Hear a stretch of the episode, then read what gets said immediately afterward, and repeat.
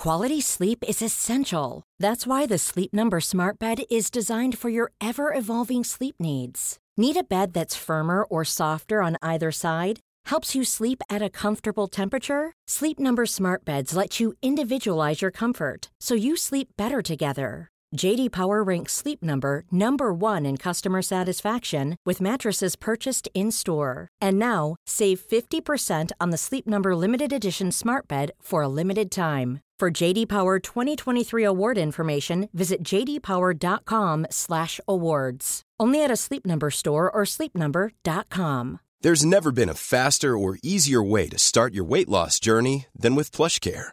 PlushCare accepts most insurance plans and gives you online access to board-certified physicians who can prescribe FDA-approved weight loss medications like Wigovi and Zepbound for those who qualify. Take charge of your health and speak with a board-certified physician about a weight loss plan that's right for you. Get started today at plushcare.com slash weight loss. That's plushcare.com slash weight loss. plushcare.com slash weight loss.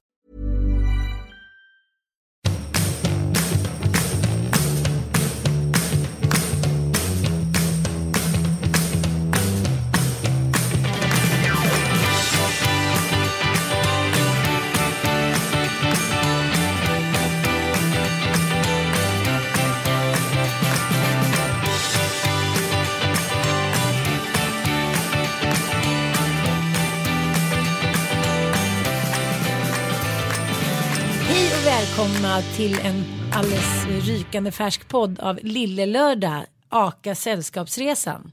Nej, den har vi redan haft. Så vi, vi, vi kan säga afterskin från helvetet. Vad hände? Vad hände? Vad hände inte? Vi var i Sälen. Ja, och Du tog bilen upp. ja, men vilket jag tycker var ett genidrag i efterhand med tanke på hur mycket jag hörde att du och Sanna åkte en detour. Runt, runt Jag hade ändå så fem timmar dörr till dörr och så fick man ju det enda som är jobbigt med att bila själv med barn. Det är ju att du har ju ingen liksom co-pilot som kan hjälpa till med allt som ramlar på golvet. Så efter vi kom till, eh, till Enköping så fick jag alltså stanna fem gånger för att nappen åkte på golvet, sen var det juiceflaskan, sen var det iPaden, sen var det Pennys iPad och sen så var det något annat. Alltså du förstår frustrationen i när det är liksom under en timme kvar så ska du stanna bilen fem gånger. Men dina kids är ändå så här, the car kids. Ja, gud, ja. up. Alltså, jag skulle kunna åka tio minuter innan det så här, någon låg på typ autobahn. Det var också roligt att jag fick den stora uppgiften att gå in och köpa en prosecco. Ja. Jag som hade två småbarn. Ni, du, som hade, du som hade så fullt Men det var fungerande faktiskt friska samma som barn. skickade från min telefon. Det var, det var liksom inte ens tänkbart. Nej, det förstår jag också. Men den hann vi ändå inte dyka upp. Men eh, det gick ju bra ändå. Det gjorde det ju på det stora hela. Förutom samtidigt Tom Allans pulka-äventyr där på en timme. Ja, och hans... Eh, Afterski breakdown. afterski. Men båda satt där, båda hade hörlurar, allt skulle precis börja bli trevligt. Då fick han ett spel. Ja. Han vaknade i och för sig till så här en klassisk eh, afterski-låt. Vad är det för klassisk? Hey Alabama. Manko, du spelar lite trudelutt va? Jo, men det är också så roligt med barn tycker jag. Att de kör en sån show-off inför Mm. sin mamma. Alltså det slår ju aldrig fel. Och sen när man säger så varför gråter du för mamma kommer tillbaka? Aha, då, är det så här, då blir de liksom förvånade och liksom lite så här förnärmade. Då blir det så här, "Hö, upp."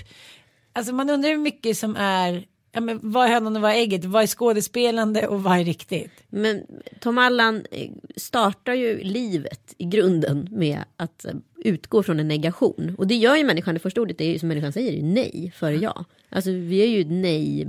Inte jag. Nej, jag kanske just du då.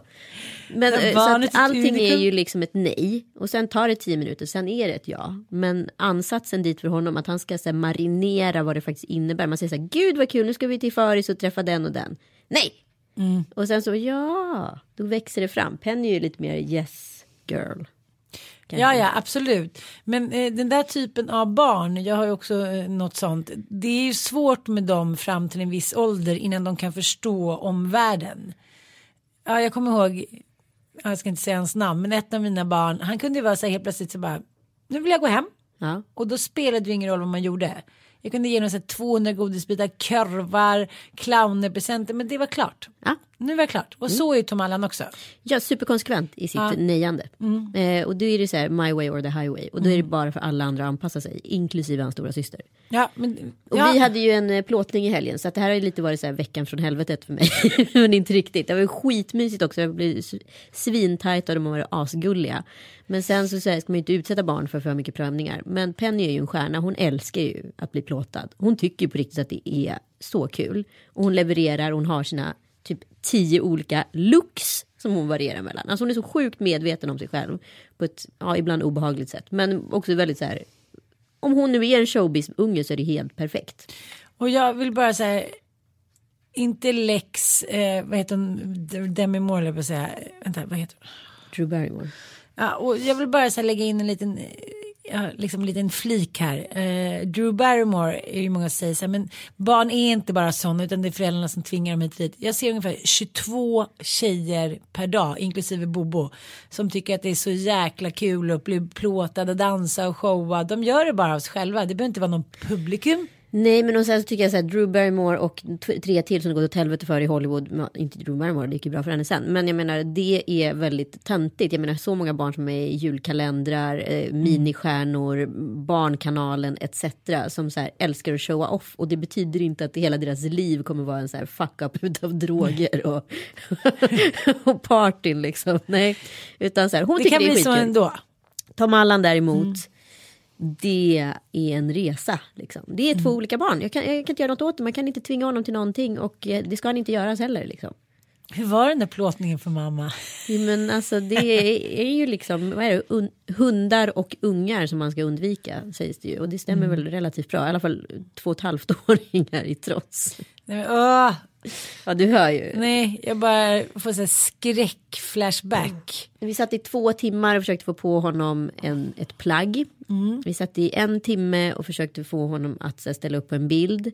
Vi satt och väntade på att han skulle somna i en timme för att vi skulle kunna ta den här omslagsbilden, vilket han inte gjorde. Så det, ja, du vet, det var Ja. Jag vet. svetten och stressen i en själv när man liksom är så, i en sån utsatt situation. När alla är beroende av en persons humör. Den är, jag kan inte ens, jag var helt mentalt slut. Alltså helt. Ja, men det var ju samma sak som när Laila Bagges son fick en liten hurring av Elon för några år sedan på en mammaplåtning på Berns. Oj. Och det är så här, man ser hur han sitter och gråter och Elon är ju världens snällaste men när han lackar ur, han är ju ganska stark, då smäller det ju ordentligt liksom. Du vet så sitter man där och liksom Pernilla har typ Kristina Skolin, ja men du vet hela post, alla har liksom farmor, mormor, barnflickor och jag är där helt själv. För jag låg i separation då, min första separation. Och eh, nej men jag bara säger, jag hade ingen, jag tänkte vad ska jag göra? Jag kände mig så här, jag kände mig som en sån jävla paria. Vet du det? Jag kände mig så som att det var någonting som katten hade släpat in. Som så här, kom dit med sina ungar, osnutna ungar och bara hade misslyckats verkligen. Som på nåder fick vara med i det här liksom drottninggänget. Då kände jag mig inte stark alltså. Självkänslan var typ Mean girls. Ja, verkligen. Och då var det så här, de satt och tröstade honom och han var ju helt knäckt och Elon var så här. "Åh!" Jag var så här, nej ta mig härifrån, ta mig härifrån, ta mig härifrån. Bara på, eh, jag träffade ju dejtade en kille som heter Göte. Ja. Göteborg. Gud vad tråkigt. Götene. Hans Gute.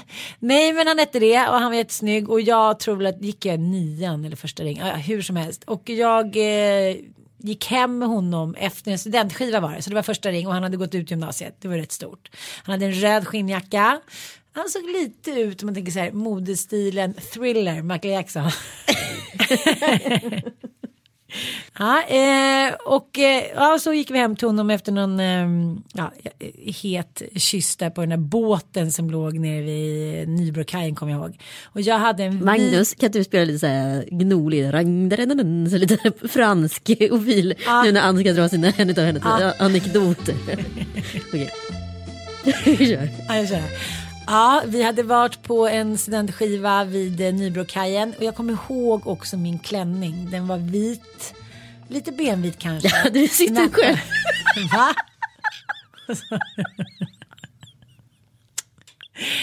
Vad är det? Får jag inte berätta? Jag älskar den här klänningen. Jag vill ha den igen. Ja. Som ett bröllop. Du hade designat det själv. det kommer sitta jättebra. Bara- Ja, men du vet, och så var det eh, tre volanger och så var den kort. Ja, Den var så snygg. Och jag kommer ihåg att jag tog av mig skorna, hade clacks, gick hand i hand och sen så fick vi eh, gå hem till honom då. Men nu kan man ju inte ens tänka sig att man skulle gå hem till någon vars föräldrar var Men Men han bodde ju hemma såklart. Och jag kommer ihåg att jag gick in på toa för jag hade ingen gummisnodd. Jag tyckte att jag var lite het när jag hade sett tofs på huvudet. Så jag tog så här toalettpapper och satte upp håret med. Hur som helst, vi låg på där och eh, ja, nej, men det var trevligt. Jaha, vad hände då? Ja, han var faktiskt riktigt härlig på, på det ena och andra sättet. Jaså? Han var faktiskt riktigt snygg. Han var riktigt bra på alla sätt. Ja, och sen på morgonen så vaknade jag då att jag fått mens såklart. En klassiker. Ja, och jag hade ju ändå så här åtrått den här äldre mannen i 17-årsåldern. Nej, Nej, han måste ju faktiskt varit 20 då. och så vaknade man och alltså den, nej, bara liksom att det hände. Det var ju så vidrigt så att man liksom, ja man ville bara sjunka genom jorden. Man tänkte att nu är det över. Stockholms blodbad. Ja, och vad skulle man göra? Man kunde inte så här, klippa ut den delen av lakanet. Så det gick inte att göra någonting med så här, bita det sura äpplet. Och det är ju en typisk kvinnogrej att så här, känna skam och skuld över någonting som kroppen ja, Utsöndrar. Ja, precis. Men samtidigt så tänkte jag att jag skulle nu ge så här som en pepp. Alltså så skulle det inte vara nu. Men det skulle det visst. Shit, där vet jag det egna sura feministäpplet. Jag skulle fortfarande tycka att det var aspinsamt om jag hade precis träffat en kille och vaknade upp i Stockholms blodbad. Det hade jag också tyckt. Ja, Nej, men jag dejtar en kille. ja, Ja. ja. ja. Vi säger inga namn, vi säger ingen ålder, vi säger inget Nej. Ni kan inte spåra honom. Nej! Eh, han kommenterade mina underkläder. Han var så här, dina, dina trosor är typ större än mina kalsonger. Ja, men du vet det är så sjukt man själv inte brytt sig eller behövt bry sig Ja. på så jävla många år. Och eh, den man levt med inte heller tycker att det har varit Nej, nej, en nej. grej. För det är antingen så gillar de det eller så gillar de det inte. Jag bara, då får jag få raffa till det lite. typ. Jag bara, hmm, kanske det. Nej, det är jag trodde jävla... du var superraffig. Nej, jag är aldrig raffig under, jag är bara bekväm. Kan du spela och, och tjejer nu? Manko, måste höja rösten.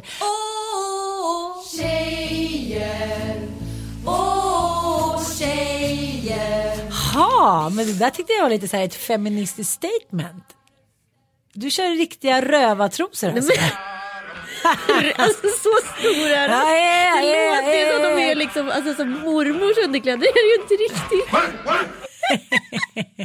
Men du har så här hm trosor lite uttvättade. Nej, jag har från Victoria's Secrets ett par så här helt plain, seamless, liksom breda, men inte liksom, Men vadå? de är helt naturliga. Nej men vadå, vänta nu, vänta nu, nu, nu, nu, drar vi klockan tillbaka. Victoria's Secrets trosor är inte där Jo, de har ju Victor- några som är så här, frimärksstora. Nej, de är inte frimärksstora. De här är helt normala. Alltså, de har ju normala underkläder också. Ja.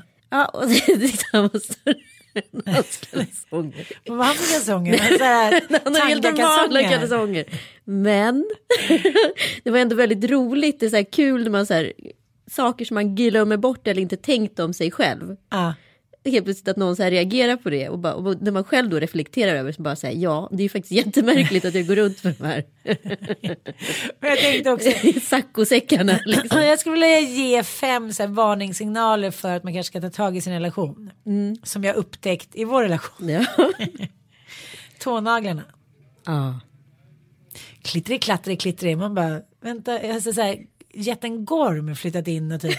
Ja men du vet. Fan vad äckligt. Alltså. men du vet, man bara, uh. Ja, men läx de där trosorna. Mm. Men kanske det bästa eh, varningstecknet eller tydligaste varningssignalen det är när man tycker att det är viktigare att raka sig inför sin gynekolog än inför sin man. Ja. Förstår du vad jag menar? För jag ska ta ett cellprov nu. Mm. Och sen så kissade jag precis. Jag bara, nej men jag kanske måste så här hämta häcksaxen i alla fall och så här snygga till lite. Jag, men gud, det säger jag inför min kvinnliga barnmorskegynekolog as if she cares. Hon har sett så mycket fittor i sitt liv att hon liksom, hon skulle inte ens se en fitta om den kom gående på stan. Gene Simmons ligger i lä.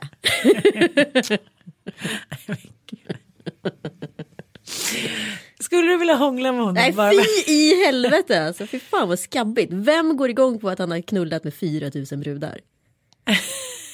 Ann Södlund. Nej, verkligen inte. Jag hör till den nya eh, kvinnornas skola att jag vill att de ska ha så få kvinnor som möjligt. Nej, jag bryr mig inte så himla mycket faktiskt. Det har aldrig varit en big issue för mig. Om, min... Om du ska ha legat med någon med 4000 andra. om jag ska leva med Men bara så här, som är- spritt språngande så här, se- sexmissbrukare har typ varit så här, det mest attraktiva på 70 och ah, 80-talet. Är inte ah. det helt bisarrt? Helt bisarrt. Jag skulle aldrig vilja vara med en snubbe som har legat med 4000 tjejer. Hur unik är man då? Nej, det hade nog inte jag heller. Och då är det så här, har man legat med 4000 då är man såklart Ja, men då är man ju inte laddad längre heller. Då måste man ju så här, gå på någonting för att köra på. Jag dejtade ju en kille som hade legat med väldigt många tjejer och det ska jag säga att det var väldigt statiskt. Det var väldigt mycket så här, jaha, du kollar på YouPorn innan du kom hit. Han bara, ja. Nej. Ja, och sen när vi hade haft sex, då åkte han hem för då skulle han kolla på YouPorn igen. Va? Ja men då är man ju riktigt. Ja, good enough. Nej men då är man ju, alltså, då är man ju spritt språngande sexmissbrukare. Ja, det, han var ju det. Men det är faktiskt den enda sexmissbrukaren som jag har legat med. Sen har man ju varit det själv när man varit nykär. Då är man ju som en liten hund som bara går omkring och skvätter. Ja gud ja. Man bara 33 gången men så här, ja ja, spelar roll, nu kör vi bara på. Den känslan är ju helt galen. Det går ju aldrig att få igen. Nej. På gott och ont ska jag säga. Ja men eh, häromdagen så eh, skrevs det ännu då en krönika som eh, ifrågasätter den här medelklasshetsen på oss kvinnor. Eh, så skrev hon så här då, Katja Hultqvist som skrev den här krönikan, att eh, för kvinnor så är det inte bara en jobbkarriär att tänka på. Man ska ju ta liksom hänsyn till den privata karriären. Och det fattar jag faktiskt precis vad hon menar. Eh, och då säger hon att det finns en checklista som vi kvinnor bedöms utifrån. Och nu ska jag se om du håller med. Du ska ha en trevlig och pålitlig man. Check. Check. Du ska ha lagom uppfostrade barn. Check. Ja, för att om de är för uppfostrade då är man ju så här, Ja, gud man det där är konstigt. Ja, jag har några kompisar som har för uppfostrade barn. Jag blir bara stressad. Mhm. Det känns inte som att de liksom får leva ut.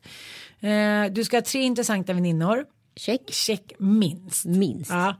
Eh, du ska ha vältränad kropp. Check. Check. Du ska ha ett imponerande hem. Check. Ja. Och du ska vara bjuden på parmiddag. Inte längre check. Det tyckte inte jag heller var. Men, men problemet är ju att plus allt, allt det här då är ju kvinna, kvinnliga krav. Ja ja.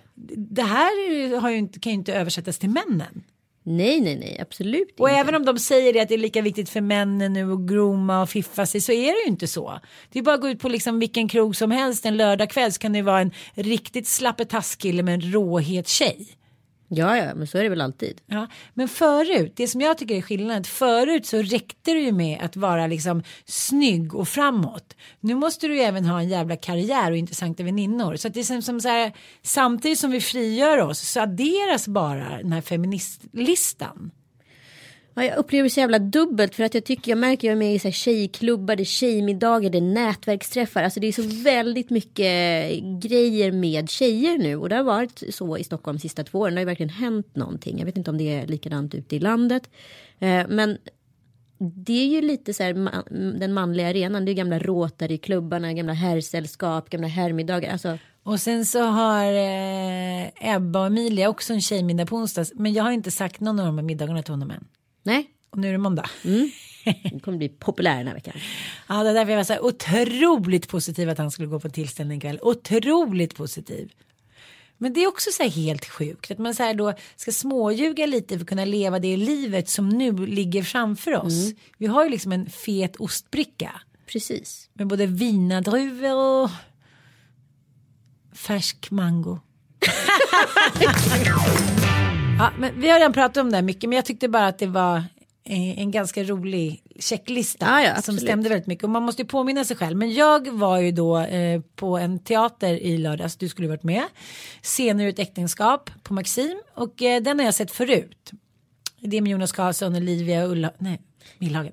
Det är med Jonas Karlsson, Olivia Millhagen och Jonas Karlsson är så jävla bra så att jag Och vill jag tycker bara, att han är så härlig. nej men alltså skjut mig. Ja men skjut mig. Ja, alltså, På riktigt. Alltid lite så här. Vi ska inte säga något mer för respekt Nej. av alla. Men alltså vilken man. Alltså. Vilken jävla man. Ja. Och jag han har är också så... hört att han ska vara så schysst eh, offstage. För det är många av de här Ja, ja, men jag har pratat lite... med honom offstage. Så trevlig. Jag vet, jag tänkte att du skulle säga något helt annat. ja, men i alla fall.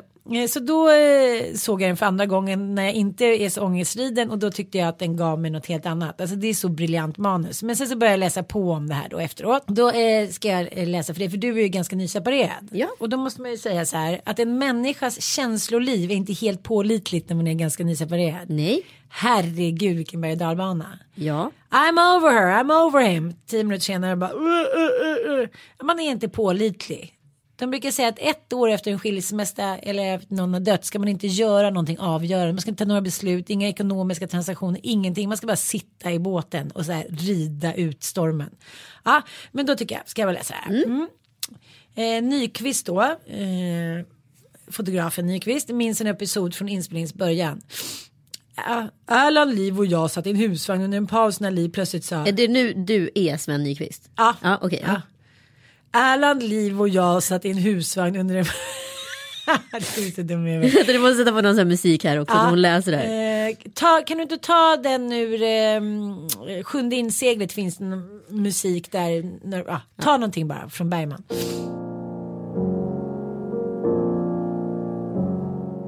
Erland, Liv och jag satt i en husvagn under en paus när Liv plötsligt sa Där går mina stövlar. Det var Ingrid, Ingvars nya hustru som råkat ta på sig Livs stövlar som blivit kvar i huset. Plötsligt kom svartsjukan, väckt av en löjlig detalj som oftare kan vara. Sårad sprang Liv och gömde sig i en stor trälår med lock som råkade stå i ateljén och vägrade komma ut. Jag tycker att det här är så otroligt intressant, de här, så här små detaljerna svartsjuka. Ja. För jag kan ju fortfarande vara så med, med ex att jag kan känna så här, jaha, och nu gjorde han det eller nu gjorde hon det eller liknande.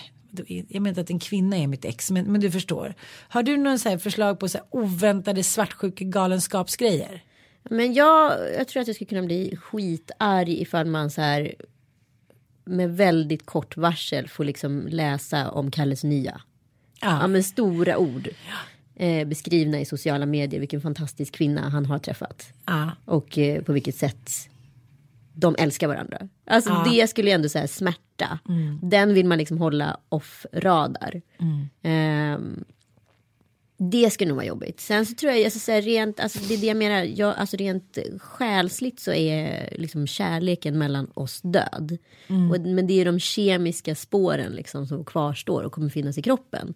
Eh, Under Det är som lång en, tid. var lite liksom i en evig bakfylla. Ja, lite så är det ju. Men ja, samtidigt så är jag ju så här, det finns ju en dubbelhet i det. Jag är också väldigt glad för att han har träffat en. Förstår Ja, du? För ja. att jag känner att han blir då mer emotionellt stabil, precis som en själv.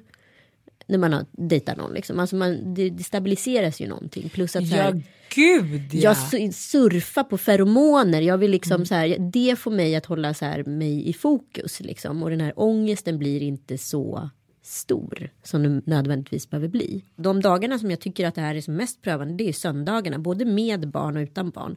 Vi har ju liksom eh, lämning på måndagar just nu, vi ska, vi ska försöka byta det till torsdagar. Men, men da, den dagen med barn kan ju bli fruktansvärt lång för ifall du inte planerar den. Och det har man ju inte tänkt på eller behövt tänka på innan när man lever i en relation. Men den blir oerhört viktig och likadant blir söndagar utan barn också extremt viktiga att planera. För det är en ångestdag. Ja. Så är det bara. Den, den, den, leder, den är bara en transportsträcka till måndagen och du räknar bortåt sextiden timmarna. Gud, men det är då man önskar att man bodde lite mer nära Medelhavet. För där är söndagar en, liksom, en glädje, alltså familjens där man går ut på piazzor och tar ett glas bubbel och käkar lite mat tillsammans och folk springer omkring. Ja, men, och det är ju extra påtagligt nu för det är vinter. För i vanliga fall på en söndag så hade man ju dragit ut och dragit ungarna till någon park eller mött upp någon. Alltså all den här enkelheten som sommaren eller det varma klimatet har.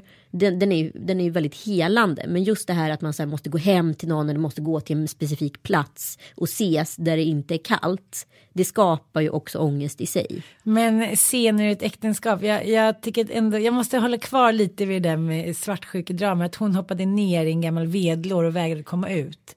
Alltså man har ju gjort lite galna Ja grejer. men gud, alltså så här, galenskap som pågår under liksom separation eller äktenskap eller svartsjuka eller vad det nu är. Det, det är nästan så här isolerade känslotillstånd. Man får inte tillskriva dem till en person tycker jag. Ja, jag För att det är nästan utanför, utomkroppsligt korkat ibland. Jo men alltså den svartsjukan man kan känna då, den är så förlamande att man förstår att det kan hända grejer när folk blir svartsjuka. Ja. Men det är också så att liksom, jag levde ju i en väldigt jobbig och hemsk eh, relation där mannen var otroligt svartsjuk. Och det hemska är ju att det är väldigt svårt att stå stark och fri i en sån relation för till slut blir man ju själv svartsjuk.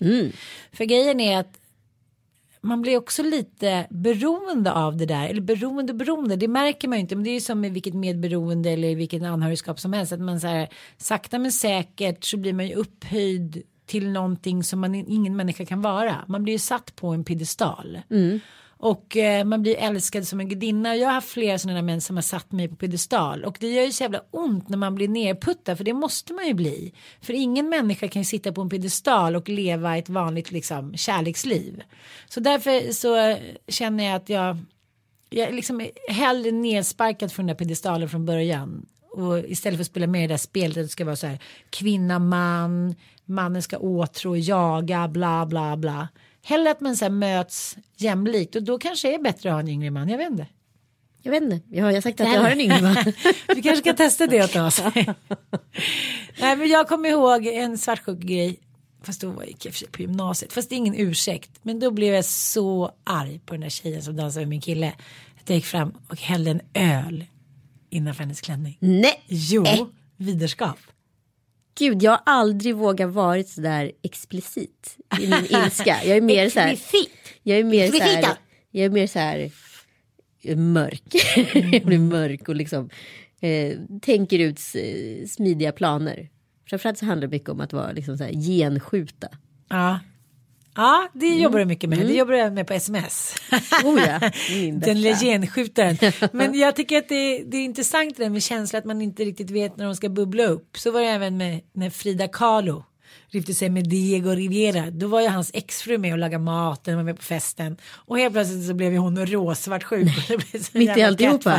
Ja, ja men du vet man står och tittar på någonting. Och min syrra var ju nu på sin exmans bröllop Ja. uppe i Åre. Och eh, ja, men både eh, min syrra och hans nya fru, de är ju blonda och snygga och sådär. Så att hon sa det, det var som att gå, liksom, inte genomlida, men som att vara med på sitt eget jävla bröllop igen. Fy fan vad surrealistiskt. Så märkligt. Nej men det kanske på riktigt, om, om så här, Kalle skulle gifta sig med den här kvinnan någon gång i framtiden och man skulle se de här bilderna på dem och liksom den här kärleken som bara manifesteras och, och den är väldigt isolerad kanske just den tillståndet eller kvällen. Och se honom se på någon annan på det sättet, då kanske jag skulle tycka att det skulle kännas så här fruktansvärt ärligt talat. Blicken. Blicken.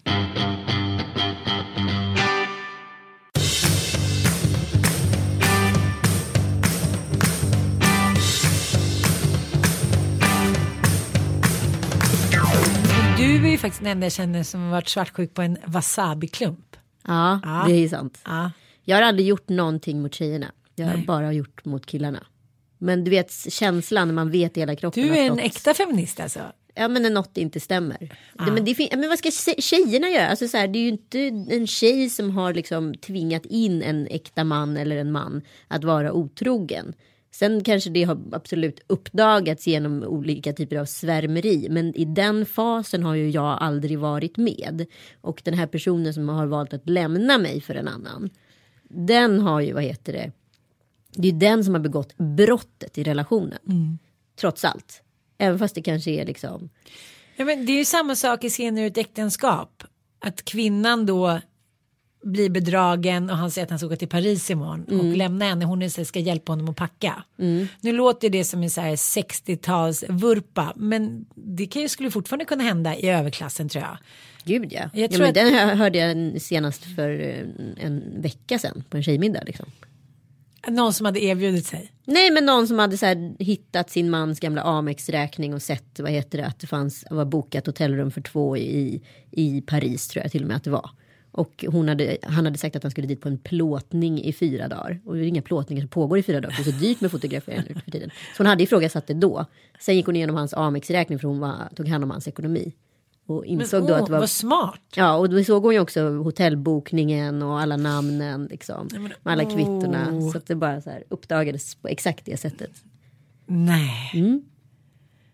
Jag gick igenom eh, en killes eh, så Facebook Facebook mail med liksom sin eh, ja det var off and on och just då var det slut och sådär. Men det var ändå så vidrigt. Jag kunde inte sluta läsa. Nej. Om jag kommer att jag ringde Karin Adelsköld och bara. Gud. Men för det där är så jävla spännande. Det här måste vi prata om på riktigt. För det, det är det här som är. Här har du ett vägskäl på riktigt. Det här hände ju mig. Att jag, mitt ex glömde sin telefon hemma. När han var hemma och hämtade kläder. Nej, och då, jag kan hans pin. Så jag låste upp den. Och liksom backar sms-listan med tjejen som han har haft en affär med och inser att det har pågått i ett halvårs tid. Det har varit planerat datumet när de ska separera. Allting har funnits, det har funnits en strategi bakom allt. Och de har gjort det här för egentligen för att skydda oss. De tänker så. Ja, jag fattar, jag fattar.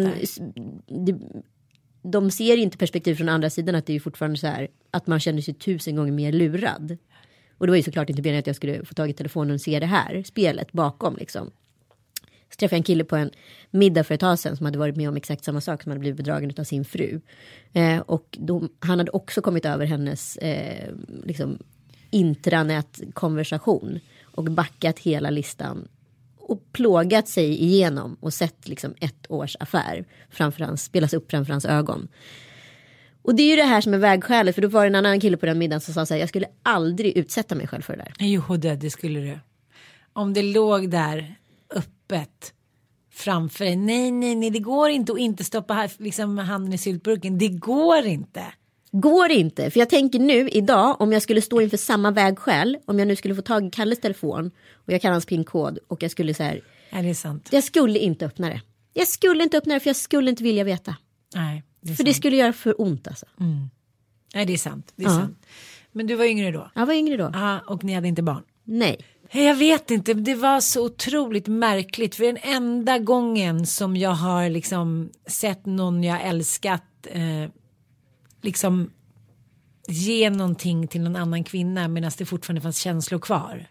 Och det var riktigt vidrigt. Det var så här, jag förstår din svärta och Ann kommer aldrig göra det och bla bla bla. Och kom, kom hit och sätt på mig. Men du vet, det var så mycket geggigt. Kom hit och befrukta mig var det till och med.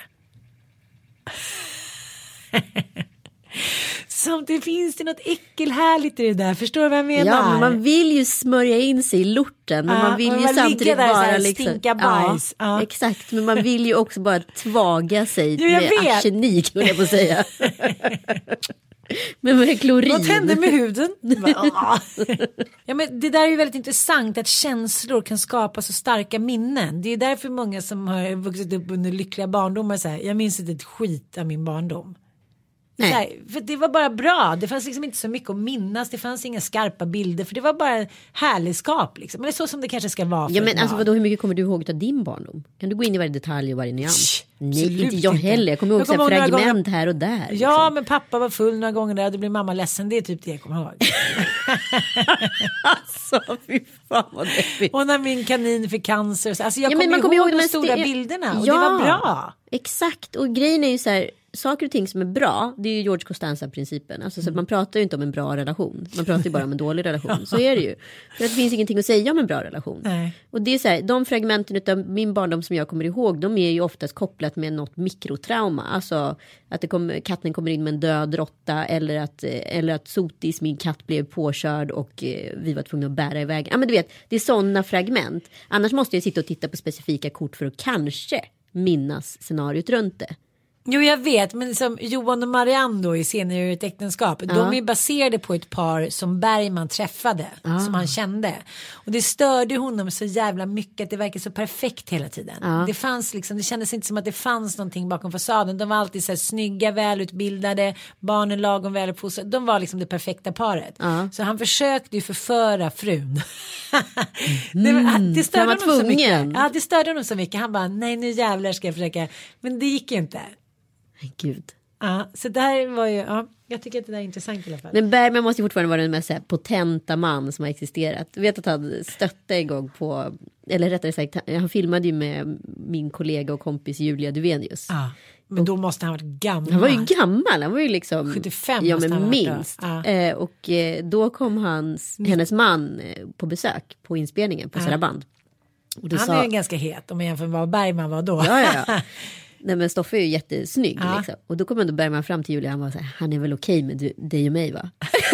Jag skulle vunnit i hennes här idébild av att Nej. det skulle kunna skett något.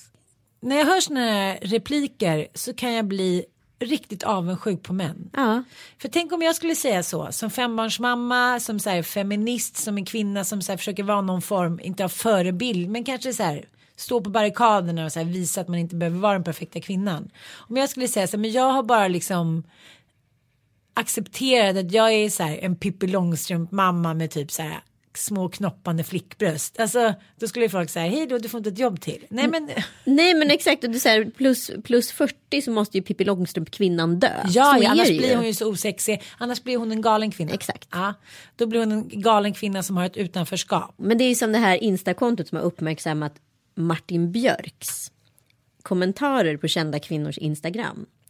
På Sara Larsson, på Molly Sandén, på Kim Kardashian och så vidare levererar han tre ballonger Jaha.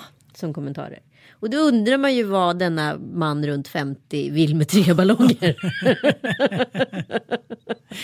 Men vadå, vad- ska det vara en långskott då på? på ragg. Ja, Påstås det då. Men det Jaha. vet man ju inte. Han kanske bara är en jävligt happy camper liksom. Eller är han, han har ju flyttat till LA. jaha. Vad Så gör jag han där? tänker att tiden har stannat för honom. För det är det som lite sker i La La Land. Ja, det är det i och för sig. Mm. Ja, eh, jag tycker att det där kändes lite långsiktigt. Tre ballonger var försök till ragg. Jo, men det som hon claimar då är att han har blivit gubbsjuk och så levererat tre ballonger. Att det är en konstig. Jag har ju, alltså jag tror det är omedvetet eller medvetet. Jag gör ju ofta det här fingret, alltså, alltså Ah. bra fingret med en så här glitter spark. Ja. Som att det här är bra. Det är ju blivit mitt Instagram-signum utan att jag har tänkt på det. Men jag gör den väldigt ofta. Och det kanske är de här tre ballongerna kanske bara är Martin Björks liksom. Det här, jag är en happy camper. Men det är väl bara att gå in på hans vanliga konto och se hur många ballonger som har varit där. Men det är väldigt Men det, är inte roligt så, för det kan ju inte vara så här, åh det är egentligen tre stora kondomer. Så, Nej, och gud den associationen gjorde liksom aldrig jag. nej, men du vet väl. Det- 1337 likes säger i alla fall modigt att använda barn-emojis när man raggar på 30 år yngre tjejer. Ja, det är klart, men det är ju väldigt få män som har självinsikt. Precis. Den bästa bilden är ju ändå vad han nu heter Raffle Stewart bla bla bla 93 på bröllopsfotot med Anna Nicole Smith. Ja, Där den har är vi ändå så här, episk. Well baby, you're beyond. Ja, men å andra sidan kan jag vara så här, ja men de kanske valt varandra utifrån så här jämställda värderingar. Han vill ha en het fru och får det och hon vill ha pengar och får det. Mm. Alltså Han ville bara ha den där bröllopsbilden innan han dog. Typ. exakt, utbytet måste ju varit liksom fantastiskt utifrån det perspektivet. Sen tror inte jag att någon är lycklig, det är inte det jag säger, men jag säger bara så länge alla leker på lika villkor så är det fine. Man vänjer sig vid allt eller? Kanske det. Söv ner mig, smörj in mig typ Valium bla bla bla och sen sätt på mig eller vadå? Men vadå, tänk dig själv då att du sitter där som eh, Betty White, höll jag på att säga. 86 bast och så är det en så här 25-årig hunk som vill ha det. Skulle du säga nej? Nej, aldrig i livet. Exakt. Jag tror inte det i alla fall. Eller det är klart jag inte skulle, men jag vet inte. Jag har ju aldrig blivit köpt. Alltså jag har ju aldrig haft sex med någon för status och pengar. Nej, det är nej, nej. ingen som har velat ligga med mig för min inkomst. Eller?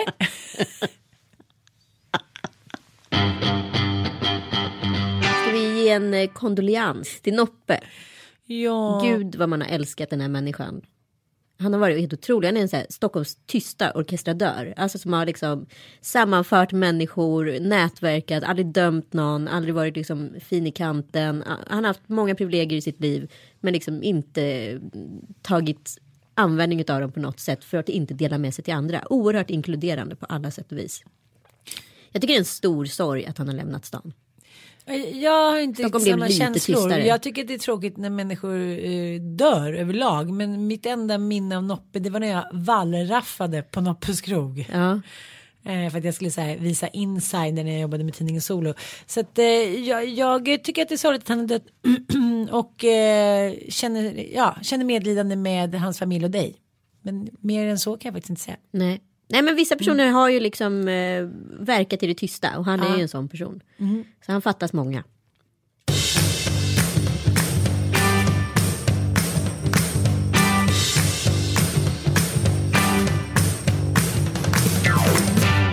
Jag bakade väldigt bra bullar igår. Jag såg det. Ja, och jag tar upp det inte för att ni ska gå in på mitt Instagramkonto och se hur snygga bullar jag bakade. Utan för att direkt kom det en liten mamma-kommentar. Ja. Mm.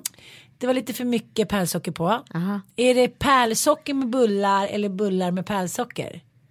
Då undrar jag hur bitter man måste vara för att skicka iväg den lilla kommentaren. Nej, Men jag fick också en nu när vi var i fjällen. Den tyckte jag svarade ganska roligt på. Jaha, vad var det? Alltid dessa iPads. Just ja, den såg Ja, jag. och då svarade jag bara, ja hon glömde telefonen på rummet. Ja.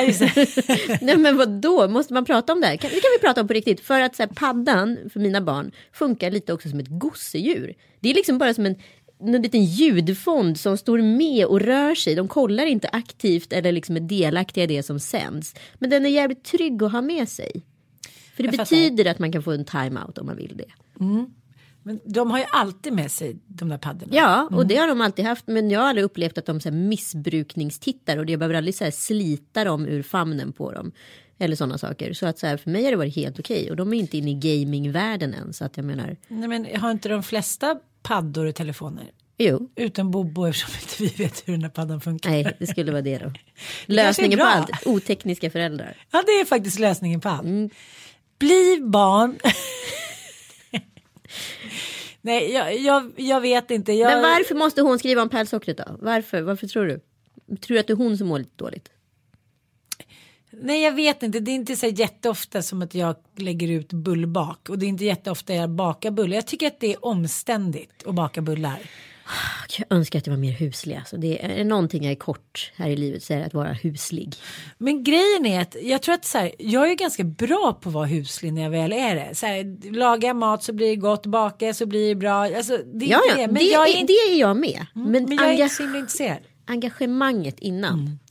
Och jag tänkte också på det, för nu har jag ju ändå varit så här, en väldigt engagerad mor senaste månaderna till priset av väldigt, väldigt mycket annat. Och där pratade jag med en, en kvinnlig kollega om att många tror att man inte behöver offra någonting. Men alltså så här, som till exempel hela helgen har jag i stort sett lagat mat, eh, lagat bullar, kakor, alltså jag har verkligen så här, ja men som man skulle 90 säga. diskar senare.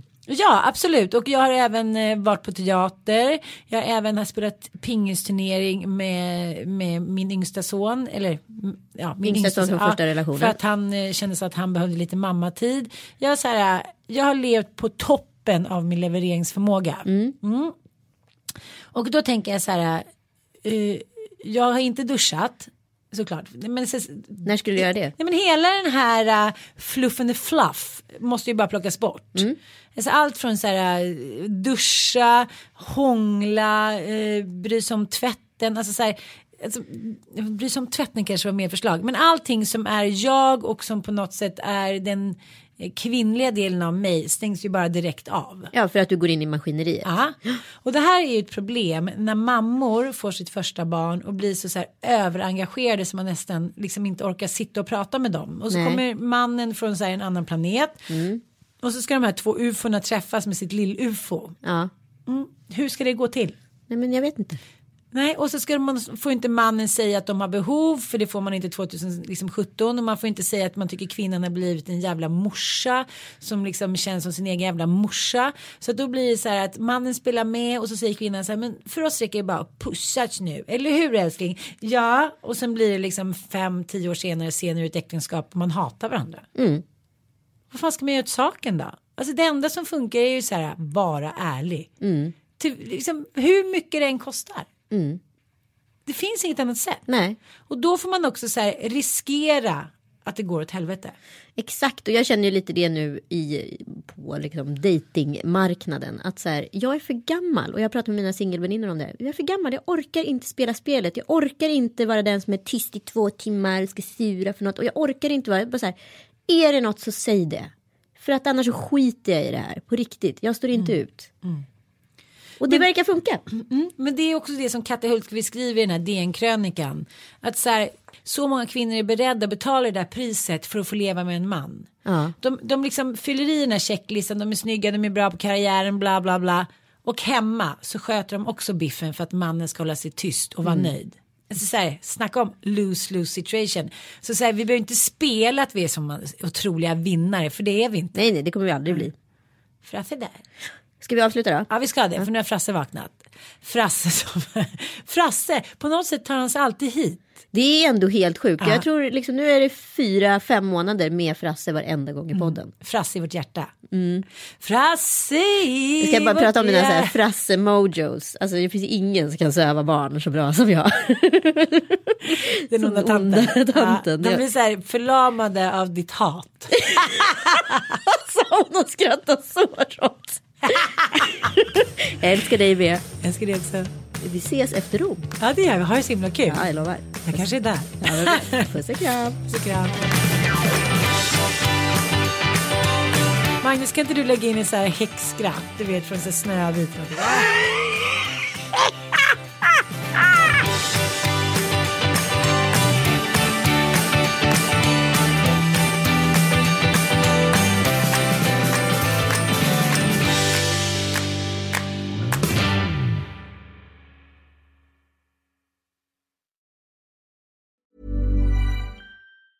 Planning for your next trip? Elevate your travel style with Quince. Quince has all the jet setting essentials you'll want for your next getaway, like European linen, premium luggage options, buttery soft Italian leather bags, and so much more. And is all priced at 50 to 80% less than similar brands. Plus, Quince only works with factories that use safe and ethical manufacturing practices. Pack your bags with high-quality essentials you'll be wearing for vacations to come with Quince. Go to quince.com slash pack for free shipping and 365-day returns. Imagine the softest sheets you've ever felt. Now imagine them getting even softer over time. That's what you'll feel with Bowl and Branch's organic cotton sheets. In a recent customer survey, 96% replied that Bowl and Branch sheets get softer with every wash. Start getting your best night's sleep in these sheets that get softer and softer for years to come. Try their sheets with a 30-night guarantee. Plus, get 15% off your first order at bowlandbranch.com. Code BUTTERY. Exclusions apply. See site for details.